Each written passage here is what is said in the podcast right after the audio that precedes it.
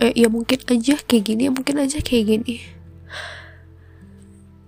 What the fuck ya? Buat orang-orang yang kalau misalnya denger cerita terus juga responnya kayak masih sok-sokan positive thinking dengan iming-iming seolah dia mengetahui mengetahui seluruh alam gitu ya.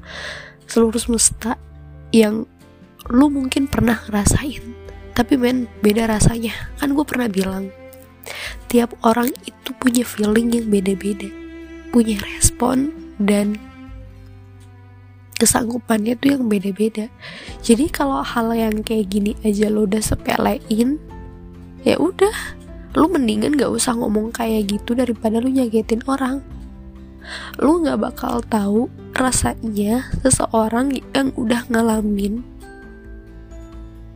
bertahun-tahun kayak stuck di zona kayak gitu terus lu cuman ngasih iming-iming kayak ya mungkin aja uangnya gak bisa untuk memenuhi kebutuhan lo.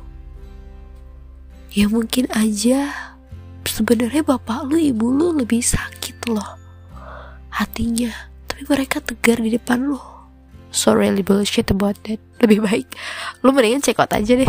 Kayak get out get out in my head get out in my podcast karena gue nggak butuh. Gue cuman gue sadar gitu. Sebenarnya gue nggak butuh pendengar. Ya gue tuh cuman kayak seolah ini gue bersuara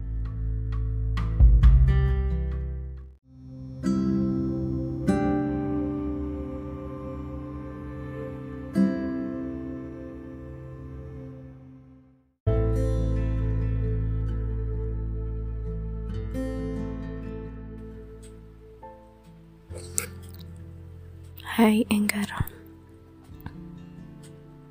Jadi gue pengen cerita sih. Oke, okay, relax. Tarik nafas, take a breath. Sekarang tuh di tanggal 15 ya berarti. 15 Januari 2023 Jujur sih Gue kayak ngerasa speechless dan kaget. Wow.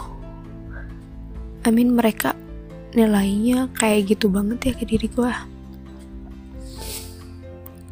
gue nggak tahu sih harus cerita sama siapa karena ya mungkin dengan bersuara kayak gini tuh buat diri gue lebih lega banget. Gue udah terlalu nganggap semua orang tuh musuh karena dulu tuh gue pernah punya geng temen. Dan tanggapan dari apa yang gue ceritain itu nggak sesuai ekspektasi. Kayak respon itu cuman menghargai dengan terpaksa. Kayak kayak menjadikan menjadikan banget gitu. Dulu gue punya problem yang gede tuh sama temen tapi sekarang sama ortu gue sendiri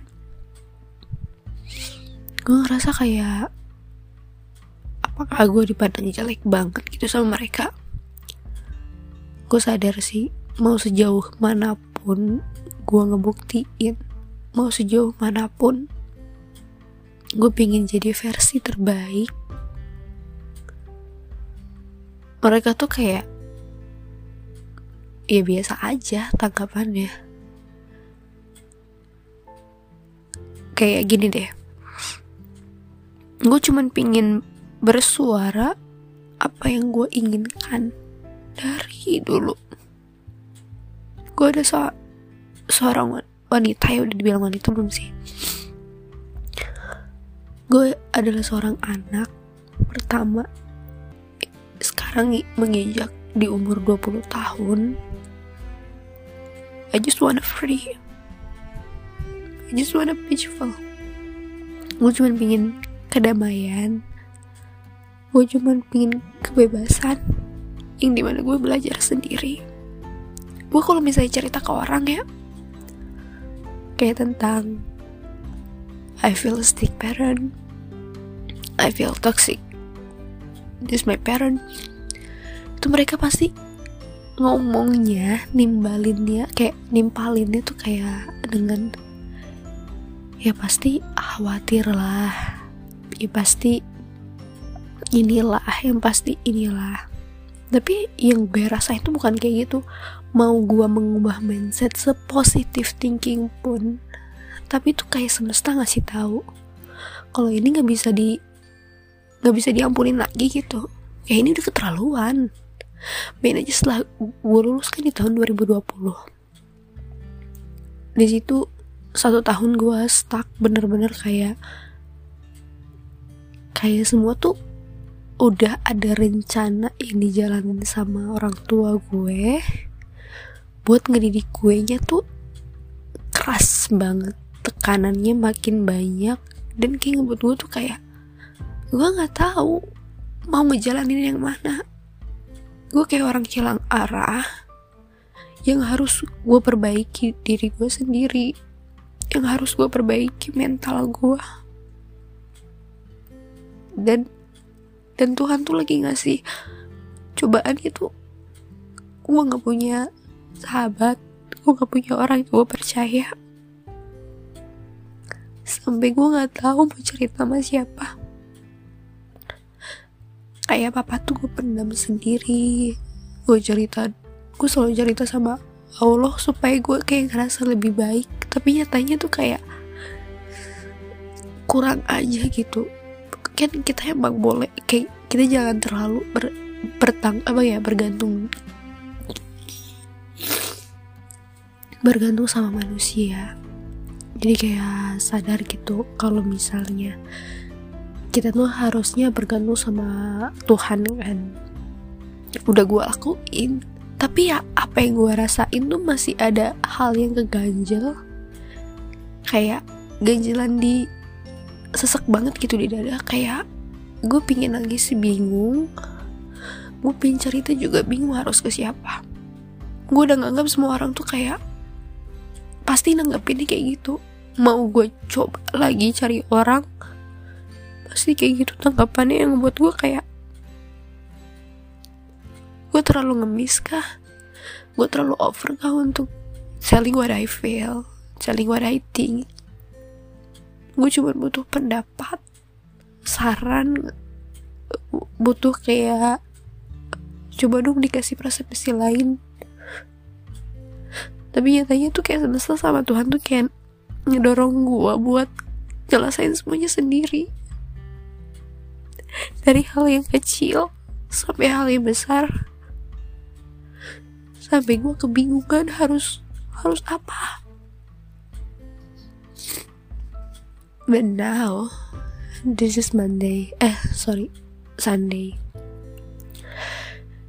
Di mana gue kayak ngerasa ini tuh gue ngekos, cuman kayak gak dianggap. Gini deh, beda. Kalau misalnya emang ini gue yang ngekos, ya udah bebasin gue. Kayak kayak seolah-olah tuh gue sama orang tua gue tuh kayak nggak kita nggak kenal ngobrol cuman se cuman seadanya terus gue masih bisa ngambil hak untuk nikmatin masakan orang tua gue dan setelah itu udah kayak suasana tuh lenggang banget. Dan yang ngebuat gue kayak ngerasa kalau misalnya emang kan gini ya beda ya. Kalau misalnya emang kenyataannya gue ngekos pasti gue free gitu ya. Gue nggak usah deh. Yang namanya tuh nerima tekanan dari mereka.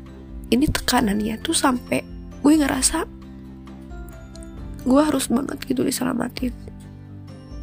Tapi ketika gue sadar gue harus diselamatin kayaknya gue nggak perlu diselamatin. Gue bisa ngebuat diri gue yang lain supaya gue semakin kuat. Cuma makin ke sini dengan tuntutan dan didikan mereka ya gak buat gue gak kuat. Gue gak bisa nahan lagi sumpah. Gue gue nyerah ketika gini deh keinginan mereka apa? Gue nggak bisa mengabulkan.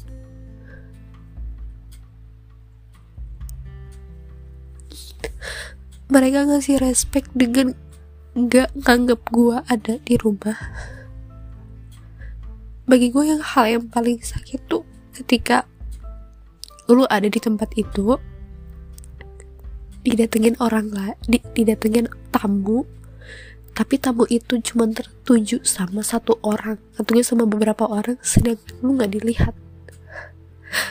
Wah oh, congratulations. Itu sakit banget.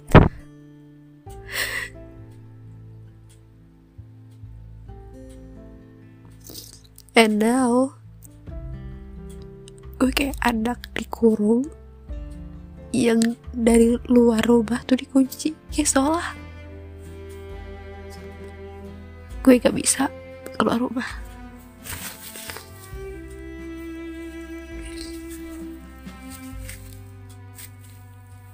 Ketika ketika teman kerja gue cerita soal pernah disebut kesasar. Ya kesasar kayak gak bisa baca maps terus kesasar sampai ke jalan buntu. Dia nelpon dia bisa nelpon orang dan dijemput gua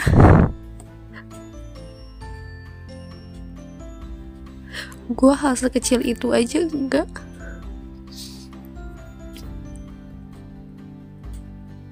Makanya kenapa gue lebih suka kenalan sama orang yang gak dikenal?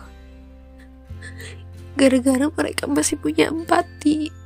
Tapi ketika mereka kenal gue lebih dalam. Rasa simpatik aja gak ada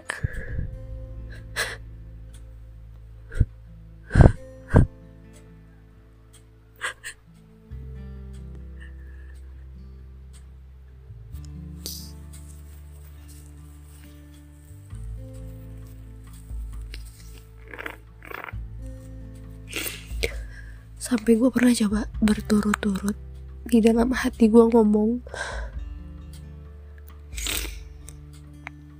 ya Allah kalau misalnya emang cobaan ini berat banget ngasih cobaan ini karena aku kuat kasih cobaan yang lebih berat supaya ya udah kalau misalnya supaya kayak nggak nanggung gitu loh ya udah kenapa sih harus nanggung? Ya udah sekaligus aja mereka mati harapan terbesar aku bahkan itu adalah impian terbesar aku mereka mati. Ya udah sekalian aja gue menyedihkan di hidup ini.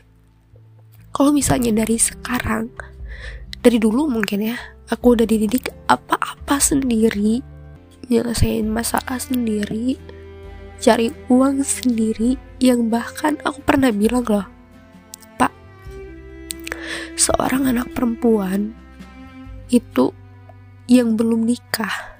Tanggung jawabnya soal ekonomi bukan soal finansial itu masih tanggung jawab seorang ayah.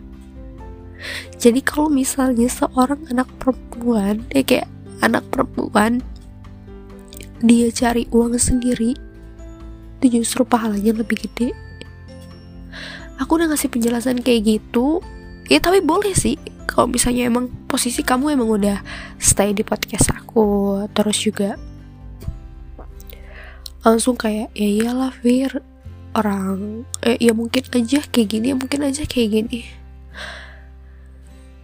What the fuck ya? Buat orang-orang yang kalau misalnya denger cerita terus juga responnya kayak masih sok-sokan positive thinking dengan iming-iming seolah dia mengetahui mengetahui seluruh alam gitu ya seluruh semesta yang lu mungkin pernah ngerasain tapi men beda rasanya. Kan gue pernah bilang tiap orang itu punya feeling yang beda-beda punya respon dan kesanggupannya tuh yang beda-beda. Jadi kalau hal yang kayak gini aja lo udah sepelein ya udah lu mendingan gak usah ngomong kayak gitu daripada lu nyagetin orang lu gak bakal tahu rasanya seseorang yang udah ngalamin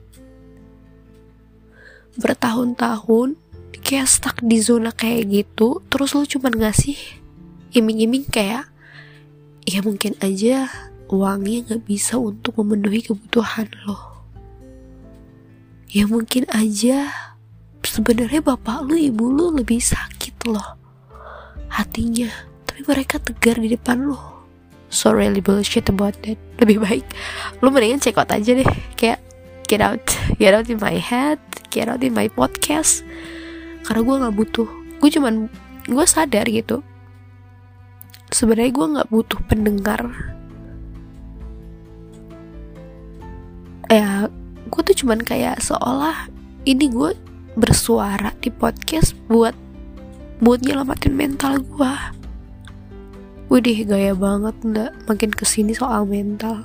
Ya karena lu mandang gue tuh kayak covernya gue itu positive thinking. Gak pernah ya namanya nunjukin kelemahan gue Makanya di tahun 2023 ini gue pingin So I wanna, I wanna speak up.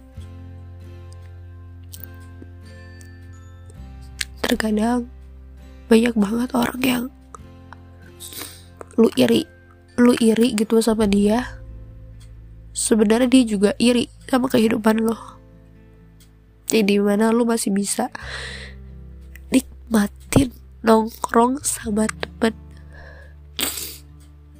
Nikmatin kenalan sama orang baru tanpa harus mikirin tanggapan orang tua lu kayak gimana. Gue sekali gak ngikutin perintah mereka. Gak dianggapnya itu bisa sampai satu minggu gue gak ngikutin apa kemauan mereka. Responnya mereka ngejek gue sakit men. Belum lagi ketika gue bersuara gue coba cerita ke orang responnya kayak gitu lagi. Itu makin makin gue mengurungkan niat jadi kenapa gue pilih podcast? Ya karena gak ada respon apa pun ya gue sadar. Tapi setidaknya gue lega. Gue lega bisa cerita ini. Walaupun emang masih sesak sih.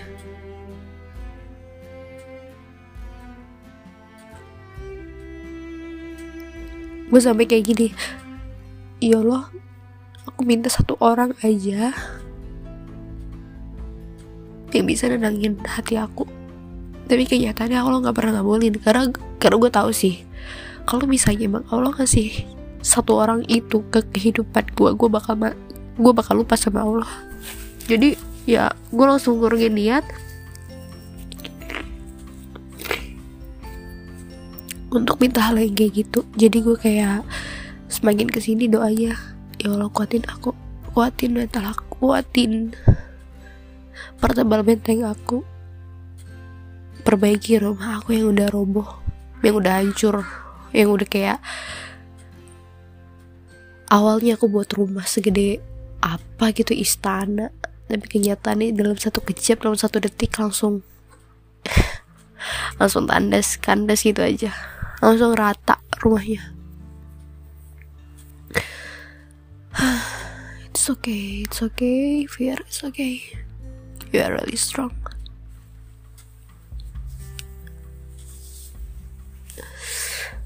Aduh. Ah, gue paling gak suka kalau mata gue kelihatan bengkak. Gue tuh, eh gue pengen cerita nih. Jadi ada segmen di mana gue sakit hati gara-gara temen gue sendiri. Gue percaya banget sama dia, tapi gue dihianatin dan kenyataannya dia nusuk dari belakang itu sakit banget tapi senang ya gue anak kelas gue waktu itu ngedukung gue karena keterlaluan banget temen yang gue percaya itu gue nangis kejar banget ditenangin sama temen gue temen sebangku gue sama temen. Ya kan gue tuh orangnya mudah banget bergaul sama orang tuh cepet banget percaya sama gue itu kayak ada daya tarik gue kalau lo emang pengen temenan sama gue lu pengen face to face sama gue gue berhasil selalu berhasil. Bukan kesombongan yang gue pingin kasih tahu. Cuman emang kalau misalnya gue ada temenan sama orang entah kenapa orang tuh mudah banget nyaman sama gue jadi itu udah hal yang biasa. Ya udah kan di situ posisi gue nangis kejar banget sampai mata gue bengkak. Yang dulu-dulu tuh kalau misalnya mata gue bengkak pasti dibilangnya tuh sama teman-teman gue tuh kayak gila lu beler banget sih Fir tidur mulu gitu kan. Tapi gue seneng sih karena mereka nggak tahu kalau misalnya sebenarnya gue nangis. Dan so di situ gue nangis kejar banget. Dan teman sepangku gue langsung ngechat saudara gue din uh, tuh si Firda nangis kejar. Gara-gara apa? Ini gara-gara ini nih. Parah sikapnya kayak gini. Oh paham paham gue paham. Ntar deh semaksimal mungkin gue bantu. Ntar gue ngomong langsung deh sama Firdi kalau misalnya emang udah legaan gitu. Gue suka banget timing di situ. Yang paling gue inget tapi emang sebenarnya banyak sih hal-hal yang teman-teman gue korbankan demi gue dan itu yang buat gue kayak ngerasa ternyata Tuhan masih baik sih. Masih masih baik. Maksudnya gue berhak ngerasain perlindungan itu. Walaupun pada kenyataannya sekarang mereka hilang. Ya udah kan di situ saudara gue tuh bilang kayak Firna kalau misalnya nangis kasih aja makanan. Biasa lapar. Kok tahu ya? Padahal aku nggak pernah nunjukin. Terkadang aku kangen banget sama orang-orang kayak gitu. Kayak orang kenal banget sama aku tahu banget aku kayak gimana dan mereka nunjukin ya elah Fir Fir. Lu dari dulu gak pernah berubah ya. Kalimat kayak gitu aja buat aku lega gitu. Karena aku dianggap.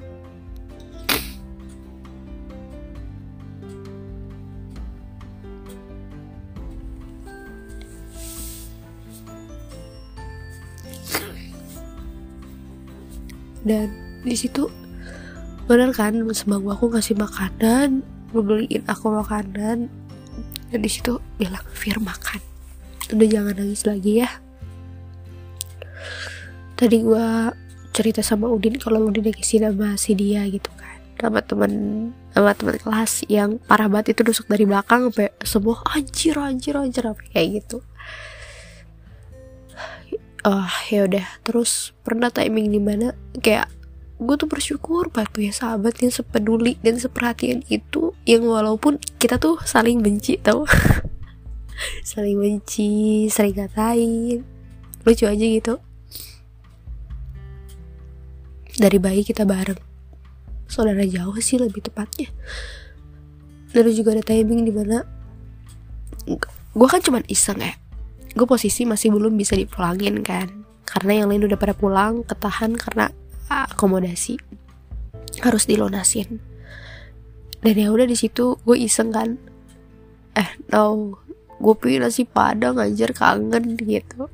Eh gak lama kemudian kayak setelah setelah gue ngomong kayak gitu kayak di besoknya tuh besoknya lagi gitu urusannya malam-malam dipanggilkan kepada Firda Alifa Ibrahim. Kan ada announcement ya.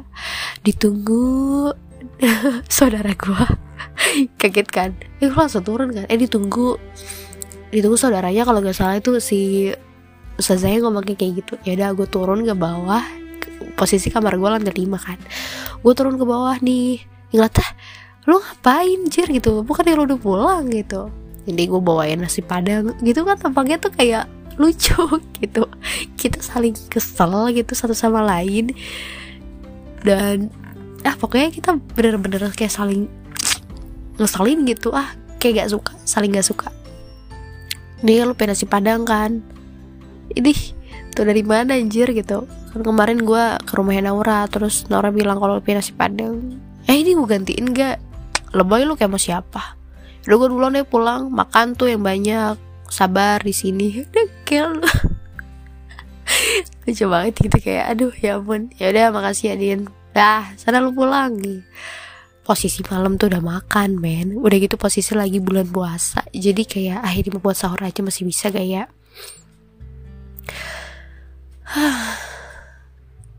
Udah gitu gue tuh punya temen dulu yang tahu banget tentang gue kayak kenal banget sama gue kan ada timing di mana kita tuh duduk perangkatan ya. Jadi karena posisi kita kelas 11 atau 12 12 kalau nggak salah. Kita tuh duduknya di lantai dua masjid. Cewek cowok di sana kan kayak misah gitu. Ya udah kan e, di situ pokoknya tuh kayak aku tuh orang yang nggak bisa. Eh jujur angkatan aku pokoknya yang sekolah di situ ganteng-ganteng. Sumpah kalau tahu ya pasti kamu kesemsem nih buat cewek ya udah kayak ganteng-ganteng banget anjir kayak selebgram seleb tiktok. Makanya ke sini sini tuh kayak Fir ganteng gak kayak udah hal yang biasa gitu. Mau aku dideketin sama orang ganteng pun kayak udah biasa udah bosen gitu. Karena emang asumsi aku tuh ngeliatin cowok ganteng di sekolahan aku dulu. Ya udah. Lagi pada ngafalin Quran kan buat setoran. Eh mata aku yang gak bisa dijaga. Ngeliatin cowok nih cowok yang mau ke kamar mandi diliatin lagi baliknya sampai duduk dia bangun sampai ke kamar mandi diliatin terus non stop every every day. Ya udah di situ langsung kata temen aku Weh Firda gitu kan. Ngapalin nih setoran gitu. Eh iya kenapa? Liatin cowok mulu tuh guys. Ih habis itu diungkit-ungkit lagi kan. Itu si Firda mata kagak bisa dijaga apa ya? Ngeliatin cowok mulu gila dari ujung ke ujung duduk terus bangun lagi ke kamar mandi liatin terus. Emang gak pernah berhenti apa ya ya kan ngeliatin aja memperhatikan gitu. Seru sih udah gitu selalu dikenal sama teman-teman aku. Aku tuh jago banget kalau ngomong. Tapi kan selalu ada yang lebih jago lah karena emang kenyataannya kayak gitu. Kayak udah hal yang udah hal yang kayak eh pin banget sih sama Firde gitu. Eh gue kayak malu gue kayak malu gitu karena tahu kalau presentasi aku yang paling bisa ngejelasin ke orang kan. Ada juga sih di anak kelas aku yang bisa gitu yang langsung paham gitu kalau dia ngejelasin. Tapi ya gitu gaya aku kalau presentasi gak terlalu fokus sama powerpoint. Tapi aku ngeliat sebentar langsung aku ceritain. Oh jadi Nabi Muhammad tuh kayak gini kayak gini kayak gini kayak gini. Tapi mereka tuh kayak oh sampai ke ujung. Eh denger gak ya? Sampai ujung kedengeran. Pira sampai kelas ujung juga kedengeran hal yang kayak gitu buat aku ngerasa lega sih. Aku kayak ngerasa alhamdulillah banget punya timing di mana kebahagiaan aku di sana. Karena emang hidup gak selalu jalan kayak gak selalu mulus yang kita jalanin.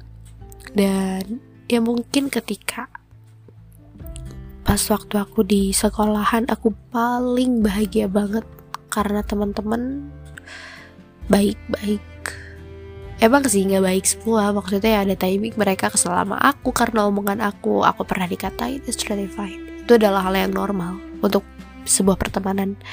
Dan saatnya ngerasain perihnya kehidupan di dunia nyata. Kayak dia realitanya setelah keluar dari kayak setelah lulus tuh oh gini ya harus mulai bisa beradaptasi menyesuaikan diri. Dan impian aku yang terbesar gak apa-apa lah ngejelasin cerita eh gak apa-apa lah ngebocorin rencana. Yaitu aku bisa keluar rumah. Ngekos di mana aja kerja di mana aja supaya aku bisa ngekos supaya aku bisa ah, akhirnya suddenly I can free gitu sih itu sekarang keinginan aku terbesar jadi aku pin lagi, lagi ngejar doain ya. Semoga bisa anchor doain aku. Dan jujur sih ngerasa kalau sejauh ini tuh kayak kan aku punya temen yang deket sama rumah kan. Jadi kan teman-teman aku kan rata-rata jauh-jauh semua kan di luar Bandung ya udah di situ aku punya satu teman yang emang teman jalan. Kalau misalnya kita lagi libur panjang nih libur di masyarakat satu bulan sesekali mainnya sama dia. Dia pas waktu di sekolahan ya waktu di waktu di kampus itu selama beberapa tahun dia selalu dapat cacian, dapat bulian, dapat hinaan, dan pokoknya itu yang ngerusak mentalnya dia pas waktu di sekolahan. Dia selalu dikucilin dia selalu itu beda sama aku yang disenangi banyak teman-teman. Dan kenyataannya roda terus berputar dan aku sadar dia sekarang tuh punya teman kampus punya teman kuliahan yang sayang sama dia. Dia diperhatiin dan dia dan aku paham sih itu perlu banget dia nikmati supaya hidup ini tuh nggak melulu soal pahit yang dirasain. Tapi tapi manis kok. Manis manis asam pahit. Dan beda sama aku yang sekarang soal pergaulan aja ditekenin. Aku nih enggak sih sebenarnya gini ya aku jujur. Orang tua aku tuh soal pergaulan tuh it's really fine. Cuma pada timingnya Tuhan ngedorong ngedorong orang tua aku untuk menunjukkan kepada diri aku gitu kalau misalnya udah ditakdirkan aku kuliahnya di universitas terbuka yang di mana pergaulannya itu minim banget. Pergaulan yang jelek itu minim banget. Karena karena kita tuh basicnya kebanyakan kuliah online di mana kita nggak pernah ketemu nih. Kalau ada acara-acara pelatihan pelantikan apa pun itu yang diajarin nama kampus itu pun juga kayak nggak semuanya ikut cuman beberapa doang yang bisa ikut. Kan kalau universitas terbuka nih basicnya tuh lebih kayak ke buat orang-orang yang super sibuk tapi masih bisa kuliah untuk mendapatkan gelar sarjana. Nah dan itu kayak seolah takdirnya aku buat kayak gitu. Dan sekarang aku coba untuk keluar dari zona nyaman di bulan Desember 2022 untuk cari kerjaan dan alhamdulillah akan terima training dulu terima dan sekarang aku ngerasa itu mereka udah kayak keluarga aku. Udah kayak akhirnya aku nemuin yang bisa aku rasain kayak waktu aku di sekolahan aku dulu. Walaupun nggak semanis waktu itu. Kalau misalnya kejadian kecelakaan di tanggal 7 Januari waktu itu aku nggak kerja aku nggak punya kerjaan nggak punya pekerjaan gitu ya masih freelancer di rumah nggak ada tuh orang yang nanyain Fir tadi kenapa Kecelakaan di mana? Kok bisa? Gimana sekarang? Baik-baik aja? Kamu kenapa, Dek? Gak ada tuh yang nanya kayak gitu. Tapi sekarang aku kayak ngerasa, wah rasanya aku kangen banget, rindu banget sama pertanyaan-pertanyaan ini di mana mereka khawatir. Ya, khawatir atau cuma ingin menunjukkan formalitas ya, I don't know. Terus gini nih sebenarnya, kan belum tadi aku jelasin ya. Aku sadar sih dengan didikan orang tua aku yang keras itu ngedorong aku supaya menggunakan waktu sebaik mungkin. Yang di mana kalau misalnya nongkrong tuh lebih nanti aja deh dan apalagi udah gitu kan orang tua aku tuh pinnya aku aktif di yayasan. Yang di mana itu susah banget karena kan aku kerjanya tuh dari hari Senin sampai hari Sabtu. Terus hari Minggu tuh pinginnya ya waktu aku gitu me time ya aku aku nonton film aku nulis novel aku podcast aku ngerekam dan yang lain-lain gitu yang harus aku kerjain.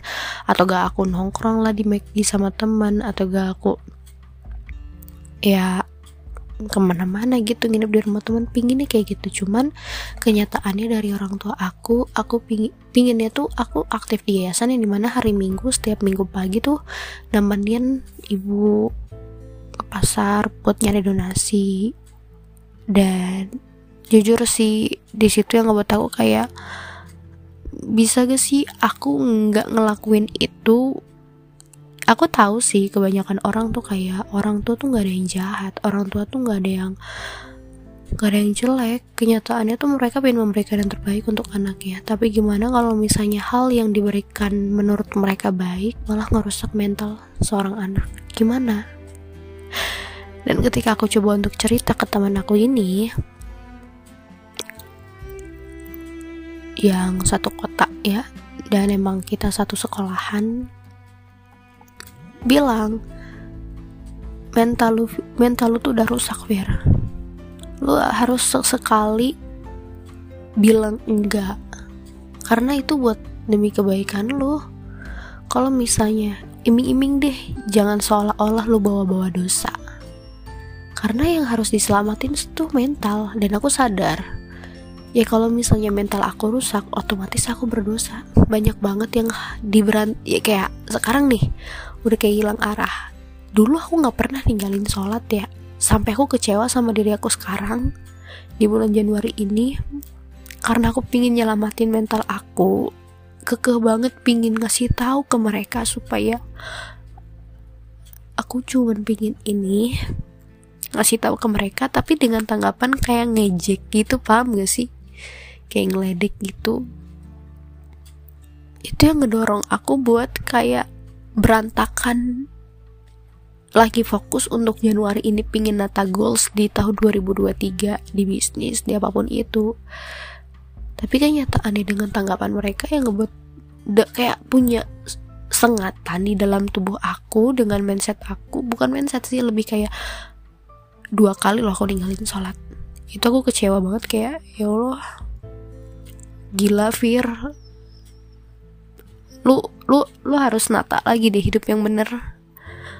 Ini ya gue gue tahu ya menyesuaikan diri di lingkungan atau di ya di lingkungan yang baru dengan kenyataan yang baru itu sulit banget. Tapi kalau kenyataannya ternyata mental lu makin breakdown di situ bakal muncul dosa kecil atau gak dosa yang kita jauh eh, kayak sadar gak sadar tuh bakal ngedapetin dosa yang jauh lebih besar dan yang itu yang gue rasain. Gue nggak pernah ninggalin sholat dan sekarang udah dua kali gue kecewa banget kayak ya gila gila. Gue harus mulai nata lagi apa pun tanggapan mereka it's really fine. Harus benar-benar teratur lagi hidup produktif lagi makannya teratur Gak usah mikirin tanggapan mereka. Anggap aja mereka udah mati. Anggap aja mereka udah mati. Anggap aja mereka udah mati. Udah mati, udah mati. Mindset aku pingin aku tanamin kayak gitu Supaya walaupun mereka ngeledik aku Walaupun mereka ngomong apa Itu kayak seolah-olah tuh cuman kayak Gak ada nyawa Gak ada roh Gak ada jiwa Tapi cuman ada suara Yang bisa gue abaikan kapan aja. Angin berlalu gue cuman pingin selamatin diri gue yang semakin ke sini udah gak kuat untuk ngebentuk mental yang kuat lagi. Dan I wanna speak up this year this year. And so thank you very much Anchor udah mau dengerin podcast ini. So see you next time. Bye